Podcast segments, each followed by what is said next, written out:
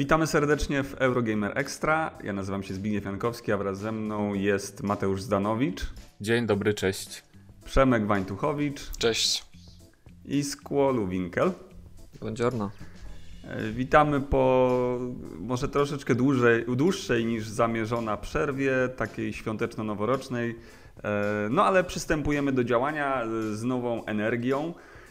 I dziś byśmy chcieli porozmawiać o tych nadchodzących grach w tym roku, może troszeczkę pospekulować mm, o tym, co się może pojawić, e, co się nie pojawi. E, no ale jest kilka ciekawych tytułów w najbliższym czasie, może takich e, mniej spektakularnych mogłoby się wydawać na pierwszy rzut oka, ale mm, bardzo ciekawie się zapowiadających. I myślę, że przystąpimy do działania od razu i zacznijmy może od, y, od, od marca, e, bo tak spoglądam na swoją ściągę. 19 marca Returnal, e, czyli tytuł od twórców e, Dead Nation przykładowo, czy Resogun, bardzo fajna gra.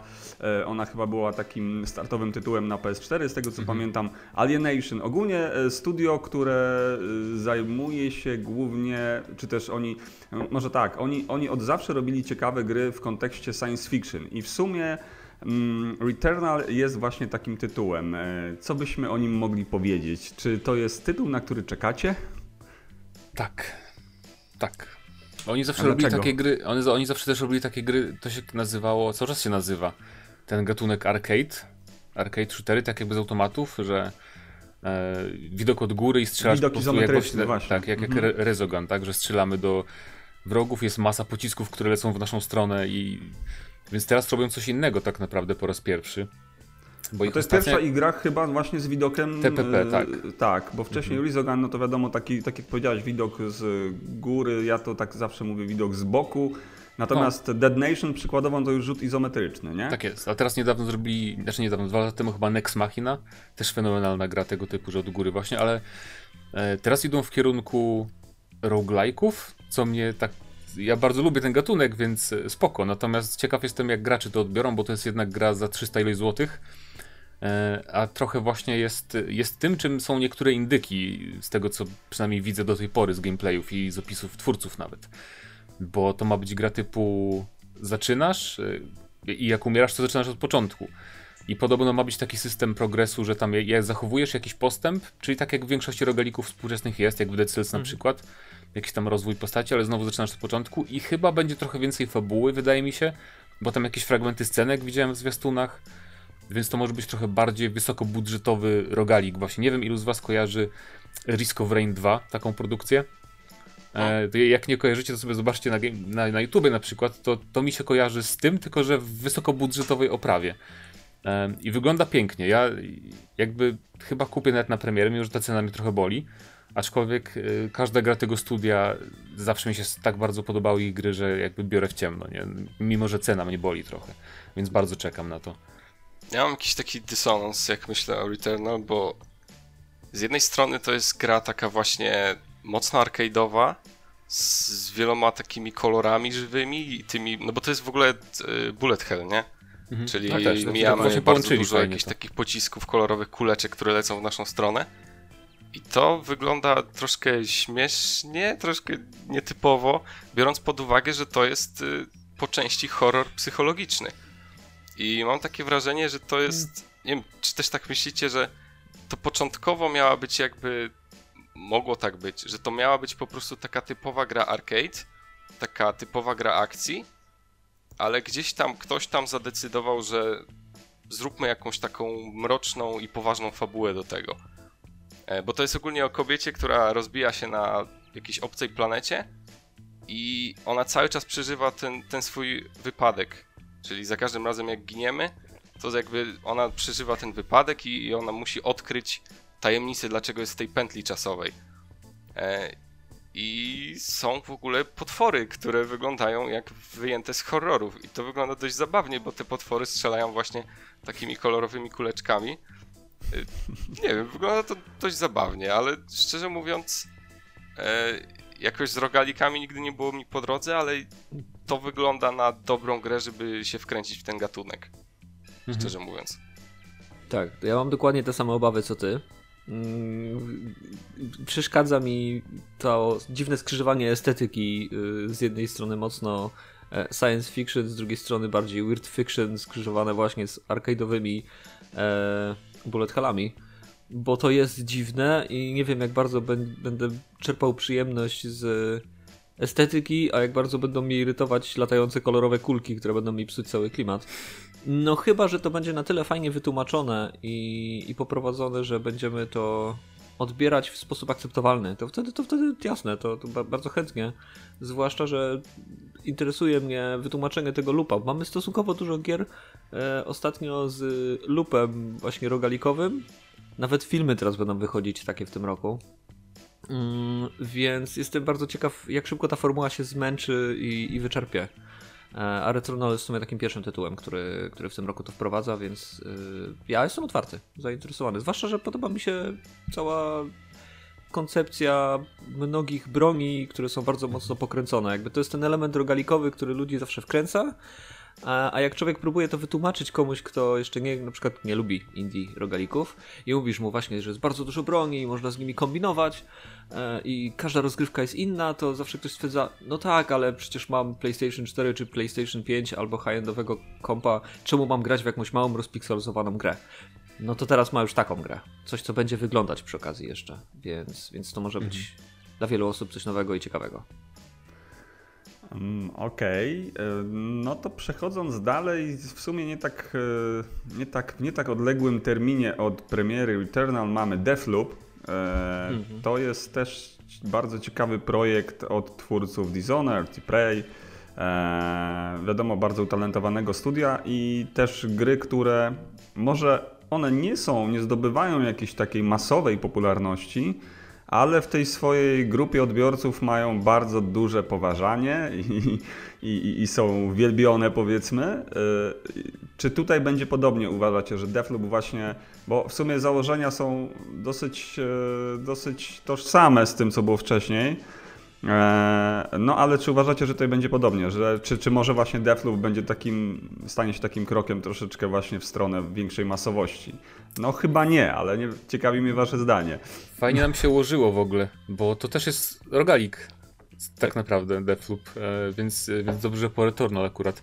Ale a propos tych ich poprzednich gier, to wydaje mi się, że to są gry, które jakby społeczność graczy taka ta korowa, ta co w internecie się udziela i tak dalej, i tak dalej, to wszyscy jakby lubią ich gry, mam wrażenie. Przynajmniej większość. A może nie, nie są to takie mainstreamowe gry, że jak zapytasz kogoś, kto może nie jest, nie siedzi w temacie, to może tacy ludzie nie kojarzą, ale e, no ja, to jest moje ulubione, jedno z ulubionych studiów na pewno wysokobudżetowych i teraz bardzo mnie ciekawi, co oni właśnie zrobią z tą formułą. bo chciałoby się mówić, że ten Returnal będzie takim pierwszym roguelite'em, czy grą tego typu, gdzie, gdzie zaczynamy od początku wysokobudżetowym, ale y, chyba Deathloop było wcześniej zapowiedziane, wydaje mi się, niż, tak. niż Returnal. Teraz nie jestem mm, pewien, ale... No i Deathloop na pewno jednak ma moim zdaniem wyższy budżet niż Returnal, nie? No to większe studio na pewno jest to y, niż, niż Housemark, więc, więc super to prawda. I wydaje mi się że też, że oni bardziej tą formułę jakoś tam więcej czegoś nowego zaproponują, bo z tego co się orientuję, to tam w ogóle mamy konkretne cele, mamy wyeliminować iluś tam, jak to jak w Hitmanie trochę, tak? Ileś tam konkretnych postaci w tym świecie e, i właśnie czy to za jednym podejściem mamy zrobić, czy w różnych podejściach, czy tak, to będą tak, różne misje? To, to ja mogę od razu, to ja mogę od razu opowiedzieć, bo ostatnio się wkręcałem w temat Deathloopa, więc mogę od okay. razu opowiedzieć o co chodzi. E, zadaniem głównego bohatera jest wyeliminowanie 8 osób e, w trakcie jednej doby. Jeżeli nie zrobi tego do godziny 12, albo jeżeli zginie w trakcie, zaczyna dzień od początku. I za każdym razem zaczyna dzień od początku. I właśnie z tego co rozumiem, chodzi o to, że zachowania wszystkich postaci są identyczne każdego dnia, żebyśmy mogli się ich nauczyć i żebyśmy tą wiedzę, którą wynosimy z poprzedniej porażki, mogli wykorzystać w następnym podejściu.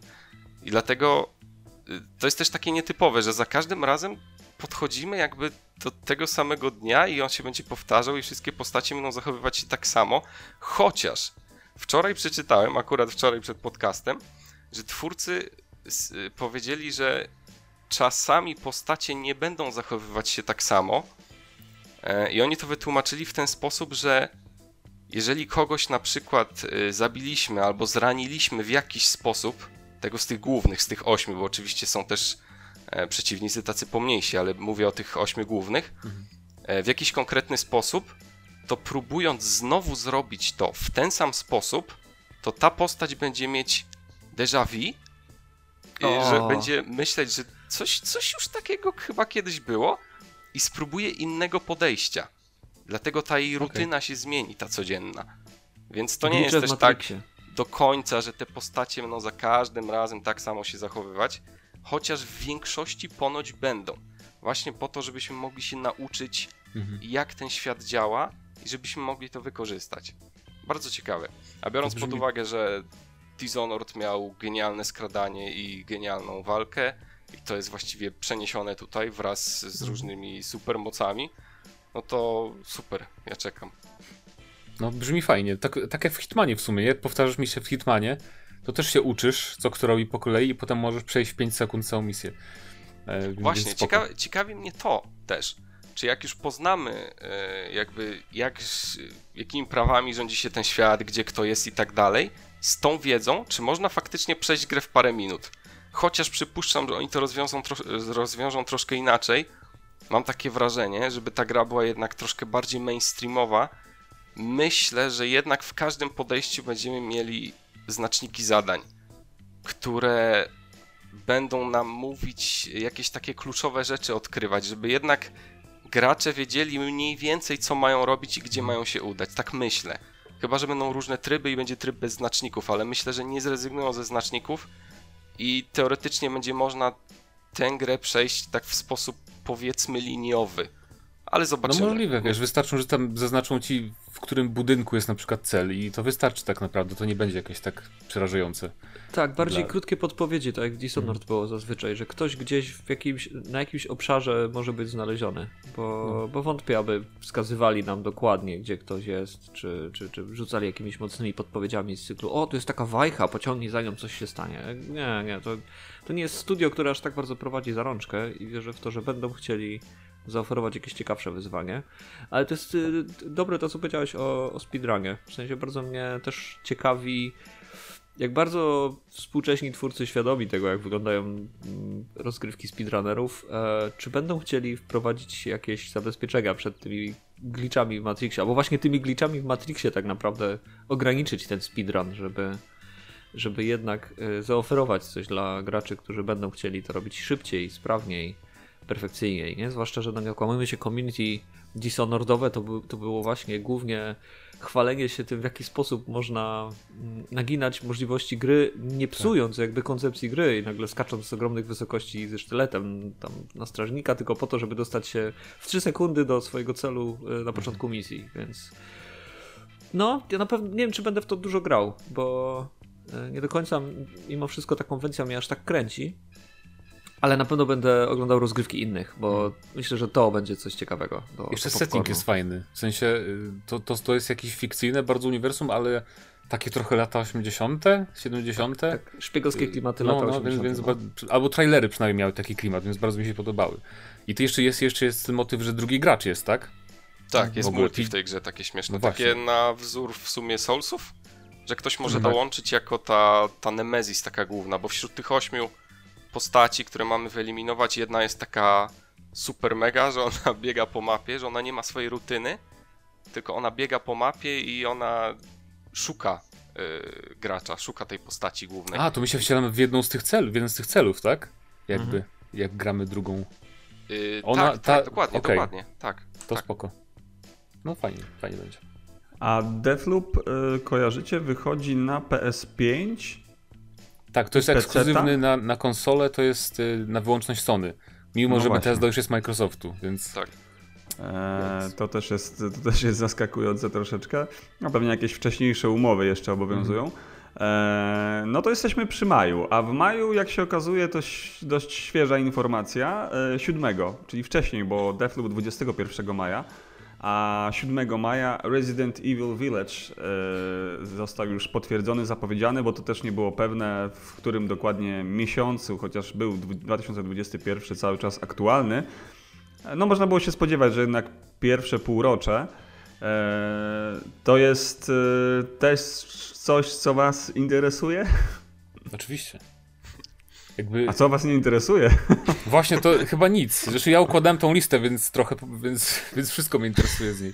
Właśnie, Natomiast... to jest lista Mateusza tak naprawdę, więc w sumie po co ja to zapowiadam? Każdą grę Mateusz ty powinieneś wprowadzać. Nie, no, ale nie, taka jest prawda, że mało jest, jakby tych gier w tym roku zapowiedzianych do tej pory jest tak, e, przynajmniej na to półrocze jest na tyle mało, że każda jest interesująca z tych zapowiedzianych, może przez to właśnie, że tak mało ich. Ale wiesz, mi się bardzo podoba bo to jest, jakby Resident Evil 4 to jest chyba mój ulubiony Resident Evil, a to jest połączenie siódemki z czwórką, mam wrażenie, tak. że gameplay z siódemki i klimat z Resident Evil 4. Czyli e, nie takie typowe właśnie laboratoria, jakiś wirus tam i te takie typowe rzeczy, tylko takie bardziej um, europejsko mroczne fantazy. E, okultyzm tam... i te klimaty, no. Dokładnie, więc, więc strasznie mi się podoba otoczka w ogóle tego, mimo że nie czytałem za dużo o fabule specjalnie, co tam, co tam się ma rozkręcać. Wiem, że to jakby bezpośredni sequel siódemki jest. No ale tam um, i tak za dużo nie wiadomo w sumie na razie. No, znaczy już są przecieki, nie? I krążą w różnych miejscach, więc trochę się no. jestem przewrażliwiony, żeby nie trafić na nie. Ale e, no, no, wygląda świetnie. Przede wszystkim poprawiają też takie rzeczy, które bolały trochę w siódemce, na przykład, że już w tym zwiastunie było więcej wrogów niż w całej siódemce na przykład. E, więc różnorodność przeciwników właśnie, jakieś tam zagadki i ogólnie lokacja mi się ta bardzo podoba, taki zamek ogromny jakiś, który będziemy eksplorować. Demo już mam pobrane na PS5, więc, e, więc no, na pewno będę ogrywał mocno. No widzisz, tym się różnimy. E, ja jak, jak najbardziej recenzuję horrory i lubię horrory, ale nie na tyle, żeby je odpalać samemu z ciekawości. Nie? Jakby trzeba mnie jakoś przekonać, e, żebym jednak mimo wszystko to odpalił. Nie lubię się do końca aż tak bać, jeżeli to nie jest mój klimat. A tu się trochę boję, że będzie tak samo jak w szóstce, e, czyli no, załączy mi się cykor poważny, zwłaszcza, że w przypadku poprzedniej części e, nie, w siódemce. Przepraszam, w siódemce. Odpaliłem to też na wiarze później po, po recenzji już. O Jezu. I ja już wiem, gdzie są moje granice, jeśli chodzi o strach, bo, bo Ale... naprawdę granie w, jednak w, tą, w, w, ten tytuł w VR to było dla mnie za dużo, więc troszeczkę Ale właśnie już...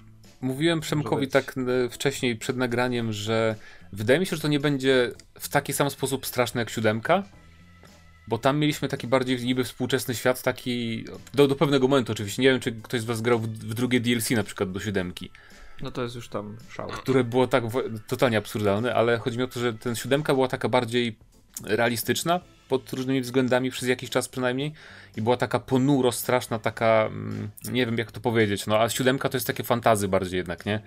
Że masz jakieś tam... tutaj bardziej jest postawiony na akcję jednak niż i troszkę odjęty tego horroru, tak? O to ci chodzi, tak? No nawet nie chodzi mi o akcję, tylko o sam fakt tej otoczki, że sama, przynajmniej dla mnie tak jest, że ta otoczka jest na tyle bardziej fantastyczna i oddzielona od bo tam mieliśmy prawdziwy dom, taki normalny w miarę, ten tak. amerykański i tak dalej, i tak dalej, a tu jest jakiś zamek tam pośród, taki bardziej no jak, jak z bajki, takiej jak z baśni jakiejś, nie? Takiej strasznej oczywiście, więc to no też tak, ale wiesz, też masz takie ciemne korytarze, nawet tam w zwiastunie było, czy w gameplayu jakieś potwory. No tak, no ale jak ci wyskoczy się jakiś... z cienia, no to cykor będzie, no tak jakiś... tak samo cykor będzie, nie? Ale jak ci ja, chyba rozumiem, o co, Tak, ja rozumiem o co, o co, o, o co chodzi y, Mateuszowi, bo tu bardziej jest tak, że w przypadku poprzedniej części mieliśmy coś, co uderzało blisko domu, jak to się mówi, e, czyli, czyli rzeczy, które mogą nas przestraszyć, nawet kiedy sami jesteśmy w domu, po prostu przy zgaszonym świetle, bo wszystko było tak bardzo bliskie rzeczywistości, a tutaj mamy tą, ten element grozy, który jest znany chociażby z Bloodborna. E, no, no. Gotycka groza, która jest spoko jak najbardziej i jest nastrojowa, tylko pozwala nam na tyle sobie zdać sprawę, że to jest tylko gra, spokojnie, mhm. to jest in, zupełnie inny świat, a nie, że wchodzimy do kuchni, która wygląda jak nasza zdemolowana i jeszcze dodatkowo ktoś nas chce zabić, więc to już jest zupełnie fajne. Więc dziękuję. Mhm. No ja mam podobnie, to znaczy też nie lubię się bać, e, zarówno w swoim własnym domu, jak, i, jak i w grach. E, książek też raczej horrorowatych nie czytam, jakoś, jakoś nigdy nie, nie, nie pasjonowałem się tym. E, ale ten Resident Evil właśnie dlatego, tak jak Mateusz e, wspomniał, ze względu na ten setting, to podejście jest e, całkiem interesujące. Zresztą po, po, po takich lokacjach jak szpital w Demon Souls, no to jestem w sumie chyba troszkę już odporniony. Na, na, właśnie jeżeli wiem, że setting jest taki nierealistyczny, czyli jest to właśnie jakieś fantazy e, i tak dalej, no to, no to spoko. Dobrze, słuchajcie. Myślę, że przeskoczymy sobie w zupełnie nieznany jeszcze miesiąc, bo nie ma ani potwierdzenia daty takiej konkretnej, chociaż wiadomo, że 2021 i zupełnie chyba taka pierwsza dzisiaj duża znana gra, ale chcemy o niej powiedzieć, bo mm, e, no bo może być jakieś może odświeżenie. E, tak jak Mateusz w sumie przygotowywał tą listę, też zaznaczył o, to. Ale zobaczymy Cry... o czym powiesz, bo możliwe, że to ta gra, którą już potwierdzili, że będzie w 2022. Serio? Ale o czym chciałeś powiedzieć teraz? O Far Cry 6. A nie, to na szczęście nie, bo, bo Stalker, jakby co to Stalkera możemy A, wykreślić no z tej to listy. spoko. To nie, nie, nie, no, to, to, to, to, to okej, okay, to, to wiem. Mm. E, dobra, czyli e, wracając. Far Cry 6, mm. no cały czas 2021.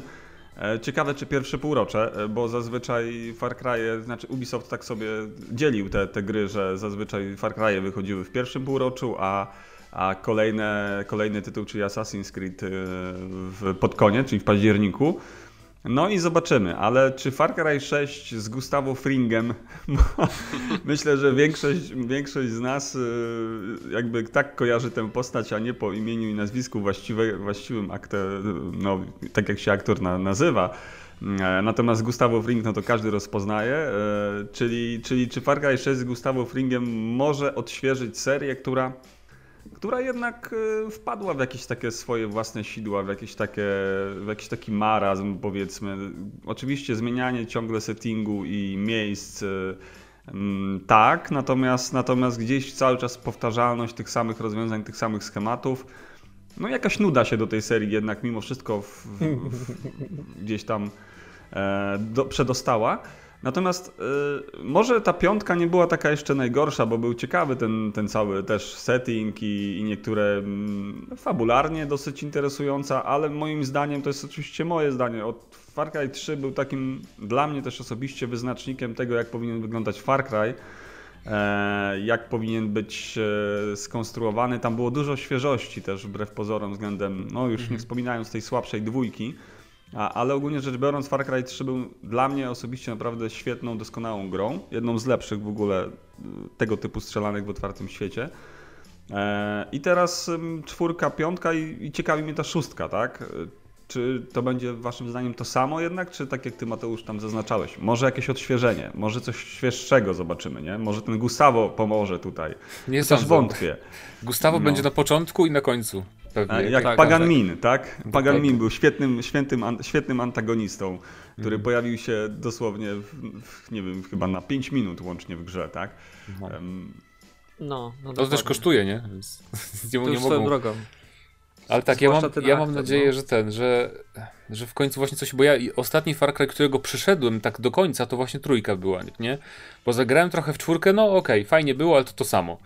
I tak samo było potem w piątce, też była fajna, bardzo fajnie się strzelało e, i ten setting był całkiem spoko, ale znowu, no to było bardzo, bardzo podobna gra. New Dawn to był taki trochę nieudany eksperyment, to nie liczę, bo to taki był spin-off jakby. Mm, w szóstce jedyna nadzieja jest w tym, że może trochę gameplay się zmienić, bo z tego co się zorientowałem, to tam będzie miasto wzorowane na Hawanie, czyli mhm. pierwszy raz będziemy mieć w tej serii duże miasto, i to przynajmniej może jakoś gameplayowo być ciekawszy przez to, bo jednak Far Cry to zawsze były te otwarte przestrzenie wielkie i tak dalej, i tak dalej. A, tu ma hmm. być ponoć bieganie po dachach, więc zawsze jakaś No właśnie, no, więc jakieś może tam dywersja, jakieś takie, bo w ogóle to jest wątek tam rewolucji, um, czyli może to będzie jakoś, no, jakieś ciekawsze aktywności może przedstawią teraz, jakieś nowe aktywności, bardziej świeże, z wykorzystaniem właśnie miejskiego settingu. Bo no, poza tym też ja nie wiem, co Far Cry mógłby zmienić tak naprawdę, no, żeby, żeby tak się odświeżyć. No, ja myślę, że oni znaleźli formułę, właśnie to, co Zbyszek mówił, znaleźli formułę, która spodobała się graczom przy okazji trójki. No i w czwórce, piątce i przypuszczam, że w szóstce jest, będzie to samo, nie? Jakby, no, no mówię, Ubisoft znalazł tą formułę. Mamy yy, kompas na górze ekranu, który pokazuje nam wszystkie E, najbliższe aktywności nie pozwala nawet na chwilę odetchnąć, skończymy jedno zadanie, od razu na kompasie jest ej, ale zobacz, za 30 metrów jest coś tam, a patrz, tutaj ucieka jakiś yy, konwój, weź go dogoń, a tutaj masz jakieś zwierzątko, które możesz yy, oskubać ze skóry i zrobić z niego torbę.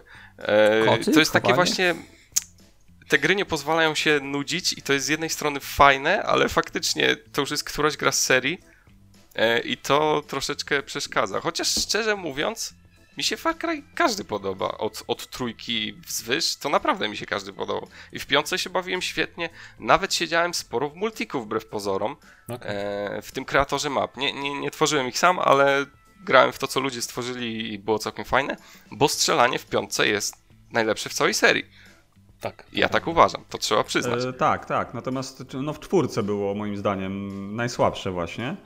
E, trójka to, no wiadomo, że ta ewolucja strzelania też następowała, ale trójka miała to do siebie, y, moim zdaniem, miała coś takiego magnetyzującego w sobie. Nie wiem, być może właśnie ta kwestia mm, dobrego wejścia fabularnego mocnego, tak? Czyli to porwanie na wyspie, takie dosyć rzeczywiste, że bogaci młodzi ludzie gdzieś tam są porwani, wiesz, jesteś w jakimś tam więzieniu, jest, pojawia się jakiś psychol świetnie zagrany, zresztą też aktor, który nie pamiętam, czy on w Breaking Bad miał jakąś rolę, ale, ale na pewno w, potem miał w tym, w tym Tak.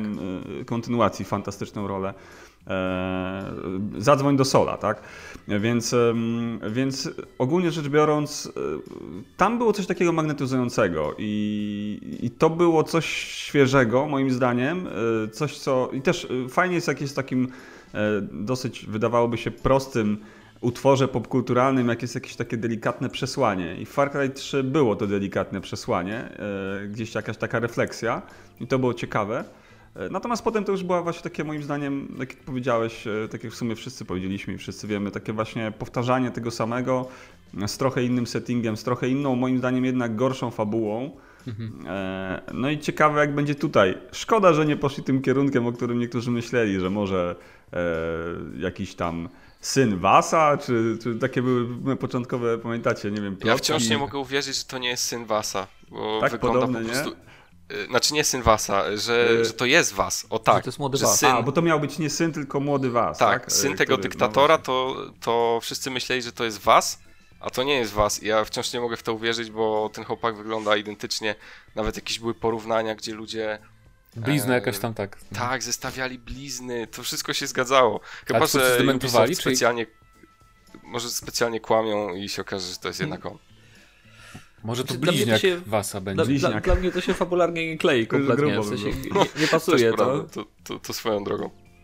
No, ale, ale, ale oczekiwania ludzi są jakie są. Więc, więc Ja tak, bym chciał, żeby jedna rzecz, której mi brakuje w Far Cry jak zawsze, skoro to jest taka strzelanka z tym otwartym światem, to jak na gry tego typu mi zawsze brakowało ciekawych skarbów do znajdowania. Ciekawych broni na przykład.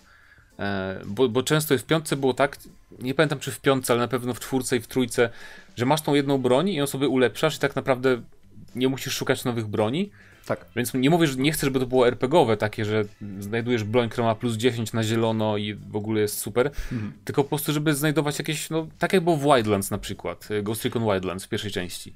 Że tych broni było mnóstwo, to nie było RPGowe w ogóle, nie było tam mocy broni, tylko no, żeby po prostu tego było więcej, żeby było po co szukać, tak? Żeby tam gdzieś pójść do jakiejś jaskini i że o dobra, pokonałeś tam kogoś i zbierasz jakiś fajny przedmiot, nie? Bo tego mi trochę brakowało w tych grach. Takiej motywacji do eksploracji, o. Samej kustomizacji broni przydałoby się więcej. W ogóle o jeszcze jednej rzeczy nie powiedzieliśmy, ważnej dla serii, bo bohater albo bohaterka, bo możemy płeć wybrać, będziemy słyszeć tą postać i będziemy ją widzieć w przerywnikach filmowych, więc ona nie będzie takim e, pustym bohaterem, tylko ponoć ma mieć e, jakąś przeszłość, jakieś motywacje, charakter w ogóle, czego brakowało przecież w poprzednich Far Cry'ach, więc to jest Wow. spora nowość, tak sobie przypomniałem.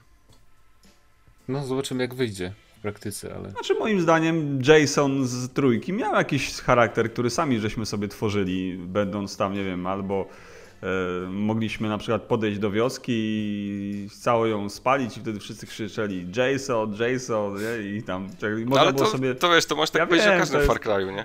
Ja O wiem, to jest, to jest zupełnie też. coś innego, nie?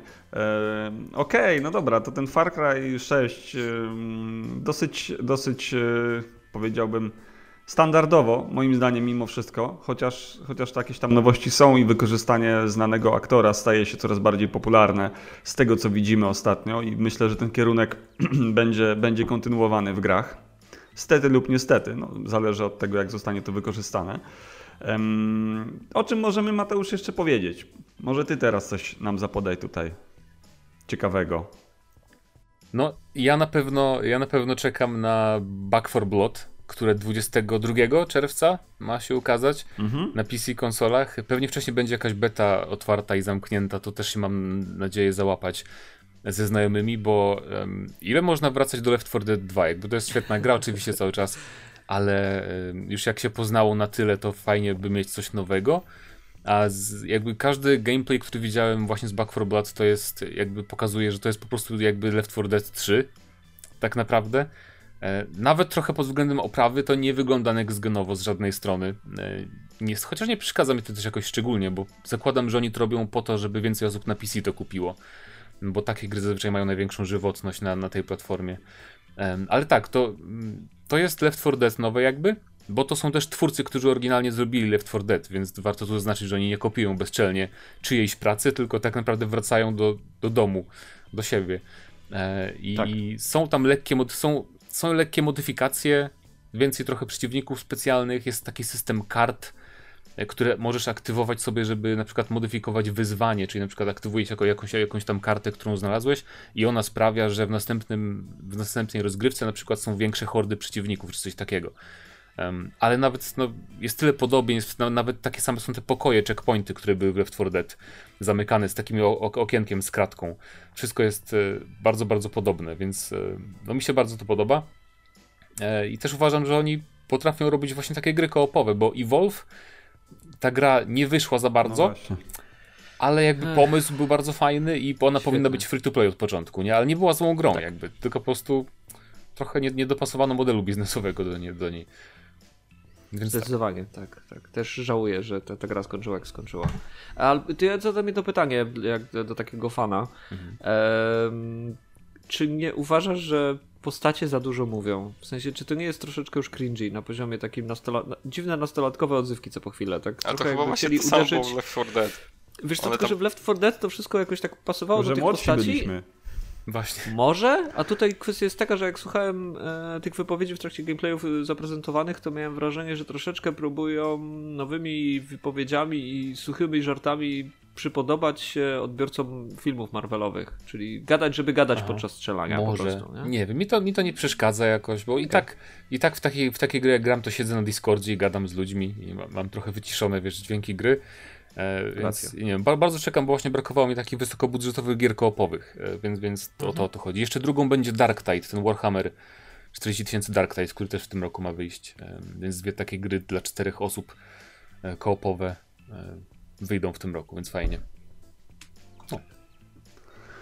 No, tylko pytanie właśnie, czy. Bo tak jak mm, wspominam Left 4 Dead pierwsze, e, to jednak ta świeżość, ta nowość e, to było coś niesamowitego, ale teraz e, po tych już tylu latach i różnych grach koopowych Tak, tak, tak. i tak dalej. e, No, ja mam takie, takie przypuszczenie, że to jednak może być gra znów troszeczkę niszowa, nie? Znaczy może nie, nie, nie tyle mega niszowa, co już nie mieć takiego statusu oczywiście jak, jak pierwsze Left 4 Dead przykładowo, nie? Które było takim boomem, tak wtedy. No tak, to, to na pewno, bo to jest, to jest gra. y, Nie wiem na ile tutaj Warner, chyba Warner to wydaje, tak? Y, Na, na ile ten wydawca jest nastawiony właśnie na, na sukces jakiś wielki, ale to będzie gra, w którą zagrają ludzie, którzy już teraz grają w koopowe gry regularnie, nie? To, bo Left 4 Dead no, tak może ale być- jest, wiesz, jest tyle tych tytułów y, koopowych, ale nawet nie tylko koopowych. Nie, niedaleko sięgając, y, ostatnio zagrałem z bratem w Red Dead Redemption 2 online, chciałem powiedzieć, Red Dead Online. Nigdy bym nie przypuszczał, że mogę w to zagrać, szczerze mówiąc. Po prostu jakoś tak się zgrało, że bo tam brat gra, no to ja próbowałem, chciałem zobaczyć i okazało się, że w ogóle grałem na premierę, bo tam nie musiałem tego, tego Tutoriala. prologu jakby odgrywać, już miałem postać i tak dalej, e, więc spoko. I tak pomyślałem, graliśmy sobie, było naprawdę jeden tam czy dwa wieczory, żeśmy spędzili na tym, on tam cały czas gra i tam gromadzi te, te, te, te o, czym ostatnio Przemek w sumie e, pisałeś w swoim felietonie, gromadzi tam mozolnie te swoje złoto i te dolary. Mi się jakoś tak odechciało, szczerze mówiąc, ym, troszeczkę. Ale spędziliśmy dwa fajne wieczory właśnie w koopie, tam nie wiem, walcząc z innymi gangami, założyliśmy sobie gang, tam biegaliśmy i tak dalej, czyli spędziłem ten czas koopowy, który kiedyś pewnie trzeba było właśnie zagrać w taką grę jak Left 4 Dead. No. Teraz wszędzie jest w zasadzie koop, nie? Tak, tak, wiesz, wiesz Tak. Masz, masz rację właśnie, że to, to, to jest gra, ta Back 4 Blood to jest gra dla ludzi, którzy lubią gry koopowe w sensie koopowe gracze kontra horda wrogów. No właśnie, tak, tak, bo to... Sprecyzuję, nie? Sprecyzuję, tak. Bo tak y, też nawiązując do tego, co mówi Zbyszek, że jest dużo gier koopowych. Jest dużo, ale dawno nie było takiego benchmarku jakby w tej, w tej kategorii. Bo do tej pory wydaje mi się, że benchmarkiem cały czas było Left 4 Dead, że wszyscy wracali do tego i wszyscy mówili, że e, jak chcemy szybką, fajną grę akcji koopową, e, do której szybko można dołączyć, fajnie się bawić i ma proste zasady, no to Left 4 Dead, nie? Więc przez Dobra, lata nie było innej, drugiej takiej gry, która byłaby takim benchmarkiem i teoretycznie Back 4 Blood może być takim benchmarkiem teraz. Przypominam, że były jeszcze tryby w Call of Duty, te zombie, które miały No tak. bezpośrednio nawiązywać do tego i, i ściągnąć właśnie tych ludzi, którzy, którzy chcieliby dalej kontynuować ten, ten sam rodzaj przygody. Tylko ale... one zawsze były takie dziwne dla, dla mnie trochę. Bo, bo tam Nie jest. udało właśnie- się. Żeby naprawdę No. przejść tam tą misję w zombie, to jakieś tam zagadki, takie przekombinowane mocno, to mi się nigdy nie podobało. Ale w 4 Dead Dokładnie. idź tam, zabijaj tych zombiaków, tam jakiś może znajdź, otwórz drzwi, coś tam i takie Tak. pozory jakby misji są. W, w No, to jest takie właśnie fajne, że można zgarnąć do ekipy jakiegoś człowieka, któremu powiesz po prostu, że zasady tej gry to idź do przodu, dojść do checkpointa i po prostu strzelaj w zombie, nie? Nie trzeba nic tłumaczyć, właśnie nie ma żadnych zagadek. I dlatego w to mogą też grać ludzie, którzy teoretycznie nie są jakimiś hardkorowymi graczami i mogą się świetnie bawić. Więc no ja tak jak Mateusz yy, czekam na, na Back 4 Blood, bo nawet ostatnio ze znajomymi odpalaliśmy sobie właśnie Left 4 Dead 2 i byliśmy tacy podjarani, że wrócimy do gry, w której spędziliśmy tyle godzin po, po iluś tam latach, nie pamiętam ilu. I zagraliśmy w tą grę i zupełnie jej, szczerze mówiąc, nie poznaliśmy. W sensie ona wbrew pozorom mocno się zestarzała i w porównaniu do nowoczesnych shooterów No, e, poruszanie Wiadomo. się postaci, strzelanie. No już nie mówię, nie mówię o tym, że nie można celować, e, przycelować po prostu, celować z, z przyrządów celowniczych. Nawet Hmm. pomijając to, to jest e, po prostu przestarzała jest ta mechanika. Te postacie się tak ślizgają, jakby jechały na łyżwach. No to jest ten silnik Source, który jest dość specyficzny. E, no i właśnie, Back 4 Blood wejdzie i mam nadzieję, że pozamiata i będzie faktycznie prawdziwym Left 4 Dead 3. Ale fajnie, może właśnie potrzeba takiej, takiej Tak. jak ty fajnie to nazwałeś, takiego benchmarka, takiego odświeżenia tego, e, tego core kooperacji, nie? A nie jakichś takich namiastek lub udawanych e, left, właśnie, udawanych Left 4 Deadów, chciałem powiedzieć. Bo właśnie Evolve, Evolve miało taki problem, że było przekombinowane, bo tam jedna drużyna, znaczy jedna drużyna, drużyna tych łowców przez większy czas się nudziła, ganiała tam za tymi śladami. E, potwór w sumie też biegał i coś tam. Może trzeba było zrobić więcej potworów, swoje, nie? no. Zamiast jednego. Na przykład, żeby dwóch graczy było dwoma różnymi potworami i mniej I to graczy było tak, właśnie, mam wrażenie, że to było przekombinowane i dużo jest gier, które jest za bardzo po prostu przekombinowanych, a tu są, trzeba prostych zasad, żeby przyciągnąć dużo ludzi, taka jest prawda. To jest prosta, tak e, jest. prosta reguła. I takie Mhm. jest właśnie Back 4 Blood. No dobrze, słuchajcie, to może jeszcze chwilę byśmy poświęcili dosłownie na em, drugą część Horizon, która też jest, no ja nie wiem, w sumie y, troszeczkę zaskoczony byłem, że nie użyli y, pierwotnego tytułu z dwójką, tylko Forbidden West, tak? Em, więc y, 2021 to chyba jest raczej pewna data, że to będzie w tym roku. Czy, czy, czy, czy tutaj jakieś tam przesunięcie teraz po tym case'ie z Cyberpunkiem trzeba, podejrzewam, że jednak e, wydawcy, producenci będą bardziej ostrożni. Mam takie wrażenie, już się to trochę zaczęło e, właśnie przesuwaniem różnych rzeczy. E, Wspominałeś w przerwie Elite, on też miał być przecież wcześniej, te- ten dodatek e, miał, miał się ukazać wcześniej. Co chwilę jakieś zresztą tam takie informacje prasowe się pojawiają, a przesuwamy premierę gdzieś tam dalej, nie, i tak dalej, bo z powodu różnych rzeczy, e, chociażby pracy zdalnej, nie możemy tak jakby pracować tak jak, tak jak normalnie. No ale pomijając, e, Horizon, czym nas może zaskoczyć Horizon? To jest bardzo dobre pytanie. Em, ale myślę, że to akurat odpowiedź jest dosyć prosta. Rozbudowaniem każdego elementu, bo. I dopracowaniem. Do, dopracowaniem, bo to jest dobra gra, która po prostu. Gdybyśmy spojrzeli pod, pod kątem każdej mechaniki i się tak troszeczkę pod lupą przyjrzeli, to każda ta mechanika może być ulepszona bądź rozwinięta. E, przykład, który, który zastosował mój znajomy, na który w życiu sam nie zwróciłem uwagi, Demeterz mi o tym nie powiedział i od tego momentu mi to przeszkadza. E, fakt, że główna bohaterka właściwie nie może odmówić zadania. No tak. rozpoczyna dialog i jedyne co może powiedzieć to, no dobra, zrobię to, trudno. Jakby czy jej się to podoba, czy nie, i ktoś jej każe taczkę gnoju przerzucić, czy, czy zabić największego tyranozaura mechanicznego w grze, to ona zawsze stwierdza, no spoko, jasne, to jest jakby jedyna opcja, którą możemy wybrać. Eee, to po co dają w ogóle nam opcję wyboru i dialogów? Ona może po prostu, to, to może być wielka gadanina z linijkami, przy których my nie, nie, nie mamy poczucia, że możemy podjąć jakąś decyzję albo stwierdzić, nie, nie będę z wami współpracować, ja zrobię coś innego. A na tyle rozbudowali już ten świat i pokazali różne frakcje, że tak naprawdę teraz mogą już dać nam jakiś większy wybór i, i dorzucić te elementy, które znamy z innych open worldów.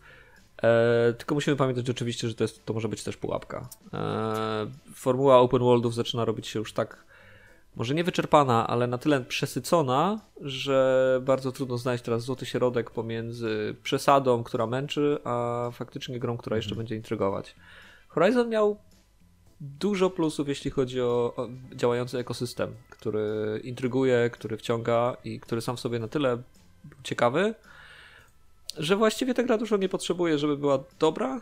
Musi mieć tylko fabułę, która No będzie ludzi interesowała. A... Czy chyba ja, ja chciałem właśnie o tym powiedzieć przede ciężkie, wszystkim, nie? że ten, mm, ten świat, ciekawy koncept, y, jakieś tam tajemnice, które gdzieś tam się kryją w tym świecie, y, y, to wszystko było ciekawe, ale moim zdaniem zabrakło przede wszystkim naprawdę jakiegoś takiego solidnego scenariusza, solidnej fabuły, ale takiej Albo po naprawdę solidnej, nie? postaci, bo, bo prawda jest taka, Tak. że kiedy mówimy po latach o, o tej grze, e, no to pamiętamy główną bohaterkę Tylko, w, no, jakiejś, w jakimś stopniu, w jakiejś formie.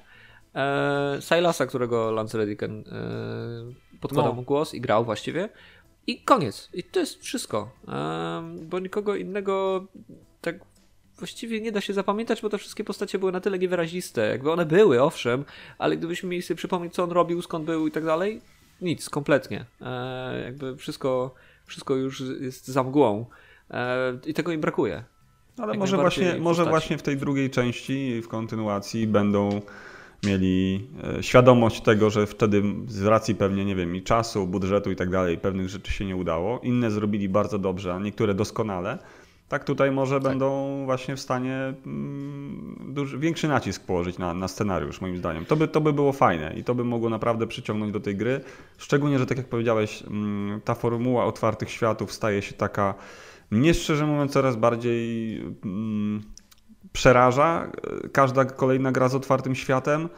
E, I właśnie takie gry jak e, takie, takie gry jak The Last of Us 2 przykładowo, tego typu e, produkcje, gdzie mają trochę większe lokacje, ale są jednak skierowane na fabułę, no robią dla mnie większą robotę, nie? Tak jakby w tym momencie. Gdy mam kolejny otwarty świat, no to jest to przerażenie w oczach, że okej, na początku fajnie, a potem, a potem znowu tysiące ikonek i rzeczy do zrobienia i obawa, że coś ważnego przeoczę, bo to jest najgorsze, żeby ten otwarty świat był dobrze mm, zaplanowany, że e, masz, nie wiem, zadania główne, ważne zadania i tam taki podział i pierdoły, nie musisz ich robić, nie? W ogóle się nimi nie przejmuj. Tak. Zazwyczaj tak nie jest niestety. To znaczy masz, y, te zadania poboczne są tak skompletowane, tak chociażby na przykład w Cyberpunku tak jest, nie? Że tak naprawdę nie wiesz, co Mhm. jest, co jest super fajnym zadaniem, co nie jest super fajnym zadaniem. tak, Wszystko masz w ogóle jakieś tam pomieszane i kontrakty i, i, i taksówki. I tak samo było zresztą w innych innych grach. E, W każdych innych, znaczy w większości gier tak jest. Nawet w Ghost of Tsushima, który jest fajnie skonstruowany pod tym kątem, również y, ma tam te opowieści y, tych swoich tam postaci pobocznych, czy też drugoplanowych bohaterów, które teoretycznie są fajną, e, teoretycznie powinny być dobrymi misjami pobocznymi. Nie wszystkie są i właśnie o to chodzi. Nie? Szkoda, że. Znaczy, ja bym chciał, żeby w otwartym świecie była główna fabuła, dobrze zaznaczone, ważne zadania poboczne. I tyle, a resztę można sobie robić lub nie, tak? I to by było fajne. Co do Horizona, Tak, szczere. ja tylko chcę, y, żeby coś mnie motywowało bardziej do eksploracji tego świata, bo bardzo nudne były te rzeczy poboczne w Horizonie. E, Walka wręcz musi być zupełnie zbudowana od nowa, bo Mhm. była taka, po- taka bardzo podstawowa i jakby w ogóle nie zrobiona. E, Ale bardzo mi się podobała na przykład ta walka nauki, te pułapki, wszystkie te planowanie walki z większymi dinozaurami, to było bardzo spoko. Natomiast, żeby jakby trochę zdjąć ten ciężar e, takiego przytłoczenia tym otwartym światem, to ja bym chciał, żeby w tej grze wprowadzili latającego, latające mounty, w sensie latające wierzchowiec, że latasz sobie na dinozaurze, nie?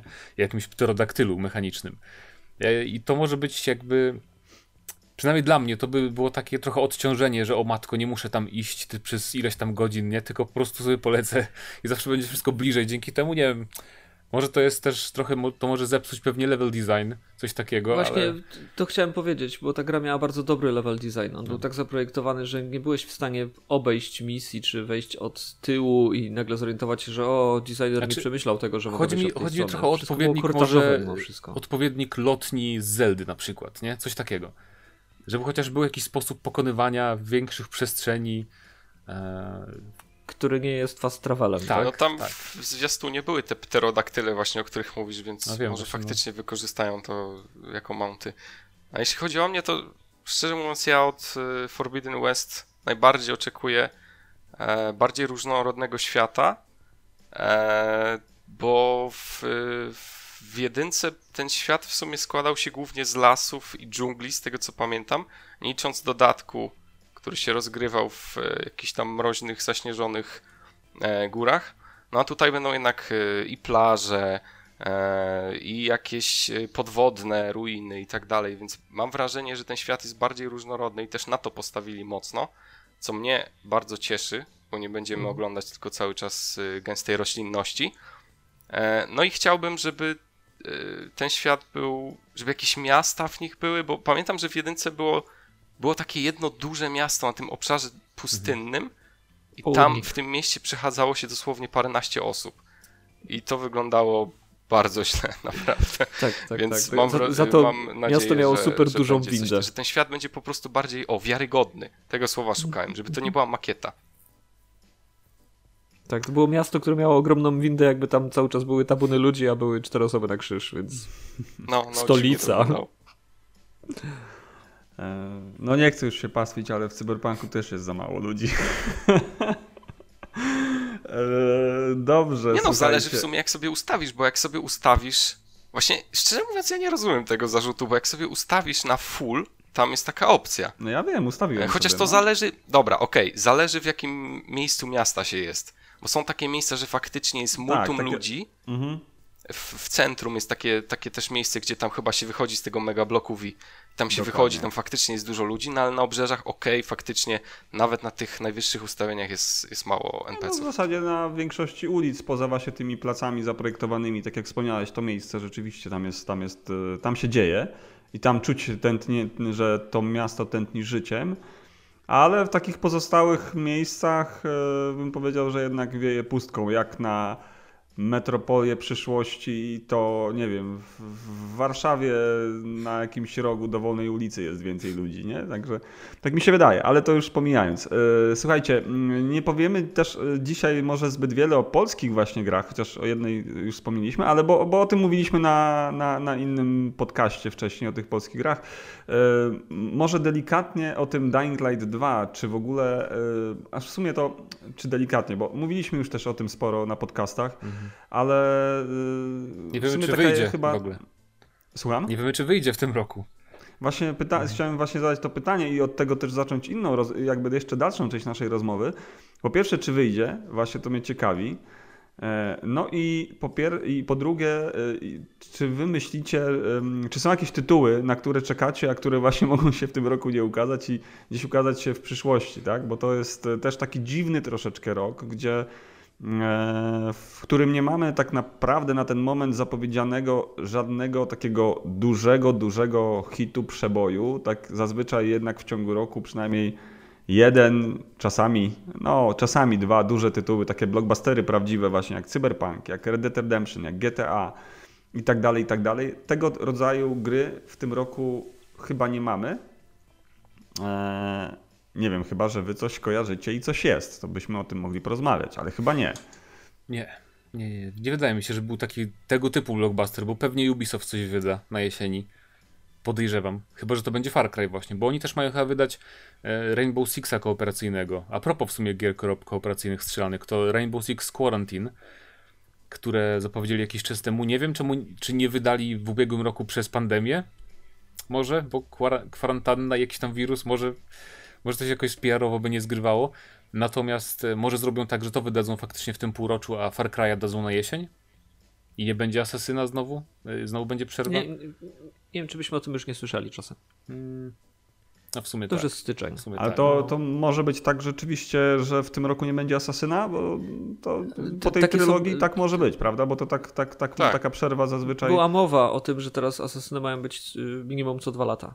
Więc Mhm. nie spodziewałbym się w tym roku kolejnego Też była taka Spodziewałbym się mowa za to przed- dwóch dodatków. przed Origins albo i trzech, albo i siedmiu. A nie mówili tak też kiedyś, że on teraz co, co dwa No lata będą tak. asesyny, a potem i tak były część. Tak, więc będzie, będzie przeplatane z Far Cry'ami, Mówili, myślę. mówili po Origins bodajże że tak było, że będą teraz co dwa lata wydawać i to jakoś się nie sprawdziło, ale po takiej, kiedyś chyba Przemek o tym mówiłeś, że Assassin to są takie trylogie, takie zawsze trzy części, po których Tak. następuje duża zmiana. E, I teraz by to się zgadzało, czy, więc ciekawe, czy rzeczywiście teraz nastąpi duża jakby tam przebudowanie gry i, i poczekamy sobie kolejny rok na Asasyna, czy, czy będzie w tym roku. No jeżeli nie będzie Asasyna, to co będzie jesienią? No właśnie, ja. Znaczy, Jakieś przewidywania. Ja, ja nie mam przewidywań żadnych, jeżeli chodzi o takie wysokobudżetowe gry na ten rok. Jakby ym, ja mam bardzo dużo mniejszych, na które czekam i które wyjdą. Y, na przykład nowy Pathfinder, taki RPG bardzo hardkorowy rosyjskiego studia, nie pamiętam nazwy. y, wyjdzie pewnie w tym roku. Baldur's Gate 3 wy- mam nadzieję, że wyjdzie z Early Access. O, to No jest, Baldur's Gate, tak. To, to jest Powinien ważne. wejść, tak. Jeżeli chodzi o Switcha, o właśnie Switch, ale to nikogo nie obchodzi. Na Switcha mam nadzieję, Dlaczego? że... Nie, nie, zga- nie, nie. Coraz myślę, że coraz więcej osób również w Polsce obchodzi W jednak, sumie, tak mi bo się w wydaje. sumie by- były jakieś chyba wczoraj informacje, że w Europie najlepiej sprzedające się gry top 3 w Europie to jest FIFA, a drugie i trzecie miejsce to było Mario Kart i Animal Crossing w ogóle w całej No, Europie. Animal Crossing dużo zmieniło, Więc to ciekawe. Jeśli chodzi ale... o Switcha, no. Więc mam nadzieję, że właśnie coś na Switcha wyjdzie w tym roku takiego ekskluzywnego, dużego, bo mm, remastery są fajne jakby, wiadomo, y, mało osób miało Wii Monster U. Hunter. Natomiast e, sequel Breath of the Wild byłby bardzo przyjemny już i mam nadzieję też, że tego nowego Switcha przedstawią, który jest w plotkach, że on O, faktycznie tak. istnieje, bo e, teraz w marcu wychodzi Monster Hunter e, Rise na, na, na Switcha. Zagrałem w demo, jest bardzo fajnie, bardzo mi się podoba jakby zmiany w, w tym formule, bo macie teraz takie linki, jakie, z, którymi, z których się wy, wyrzucacie w powietrze, można ataki z powietrza wykonywać na potwory, super to jest, tylko że jest 30 klatek i wygląda naprawdę tak brzydko, e, bez antaliasingu, w sensie takie jakby, no nie wiem, że aż, aż człowiek naprawdę by chciał, żeby zrobili tą nową konsolę potężniejszą, bo ja tak sobie poczekam na wersję PC tej gry z pełną świadomością, więc no, O ile będzie. o ile, O ile będzie, bo właśnie. to nie jest Monster Hunter World, nie? Jakby Monster Hunter nie, World nie, miał ale być tytułem, znaczy, był ten wielki, był ten wielki wyciek danych z Capcomu, i który A, wszystko się a, potwierdzało, bo faktycznie. to był taki jakby legitny wyciek i właśnie była wersja PC-towa Rise, e, że będzie Tak. zapowiedziana później. E, I jeszcze druga gra, na którą czekam, bo teraz tak jak robiłem felieton do Titanfallu 2, że to jest gra, do której teraz wracam sieciowa, bo jakoś chcę odpocząć trochę od kodów i od Battlefielda i właśnie w tym roku ma, być nowy, ma wyjść nowy Battlefield. Jeszcze nie jest zapowiedziane, ale zazwyczaj tak jest, że one są zapowiadane w maju, te strzelanki i potem wychodzą jesienią.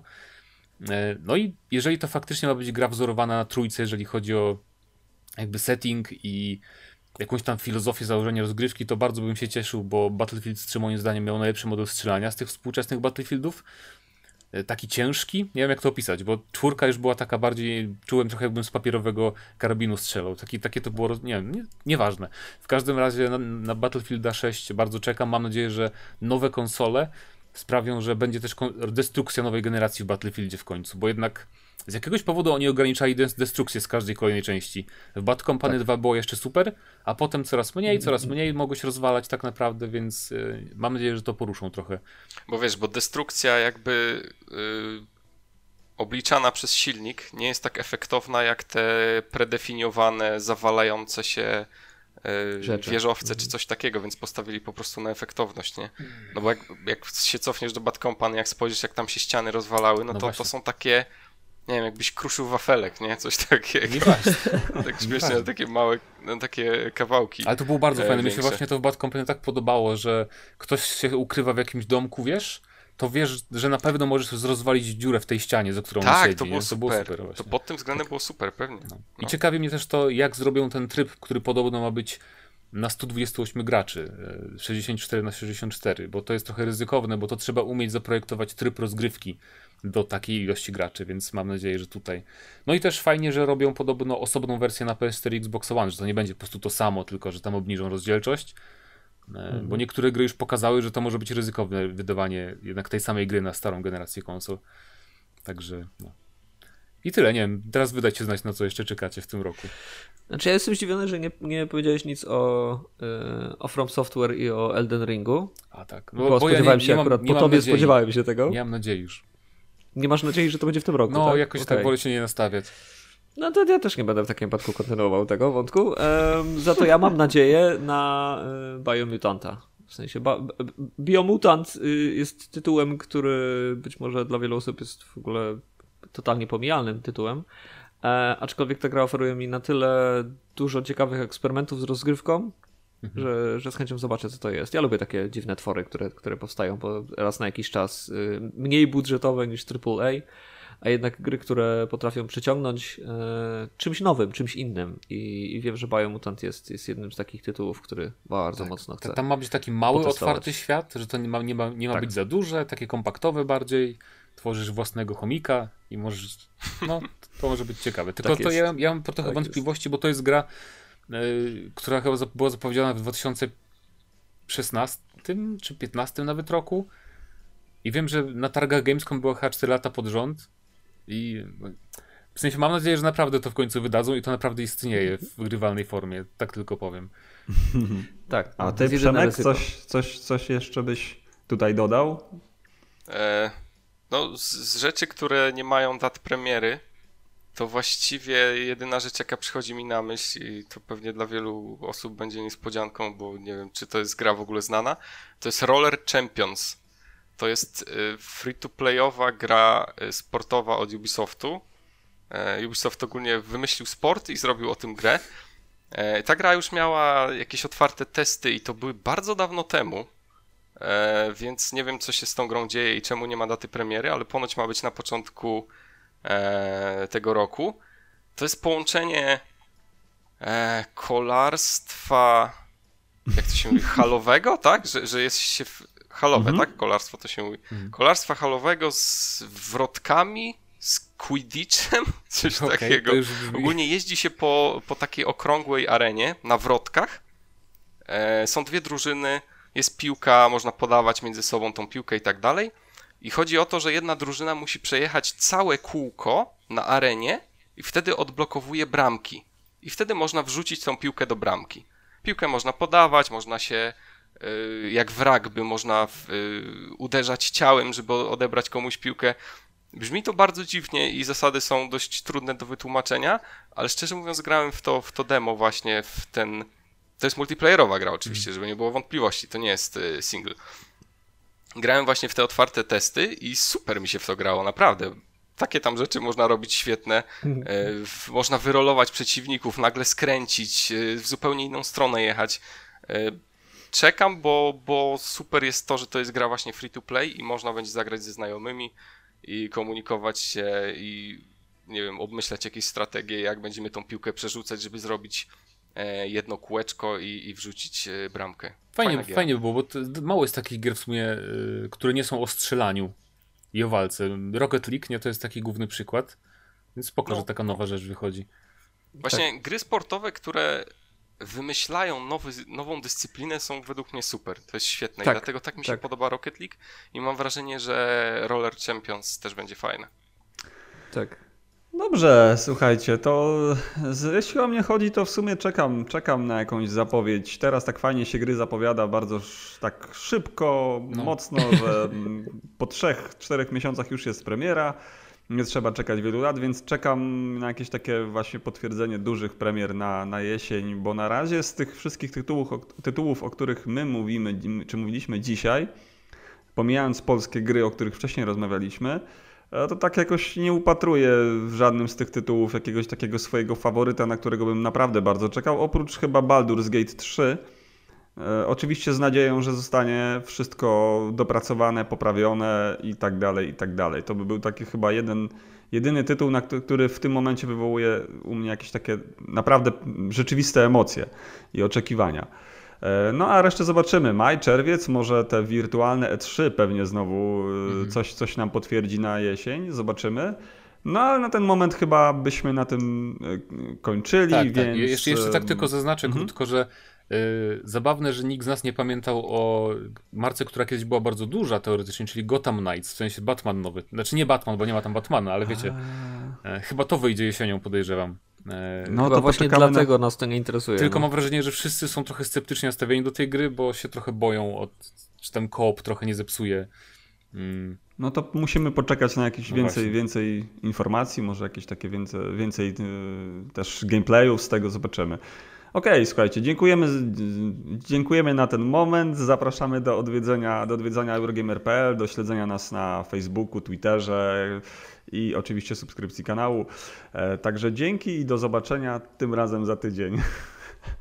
tak jest. Trzymajcie Dzięki, się, dzięki. cześć, na razie. Do usłyszenia. Narka.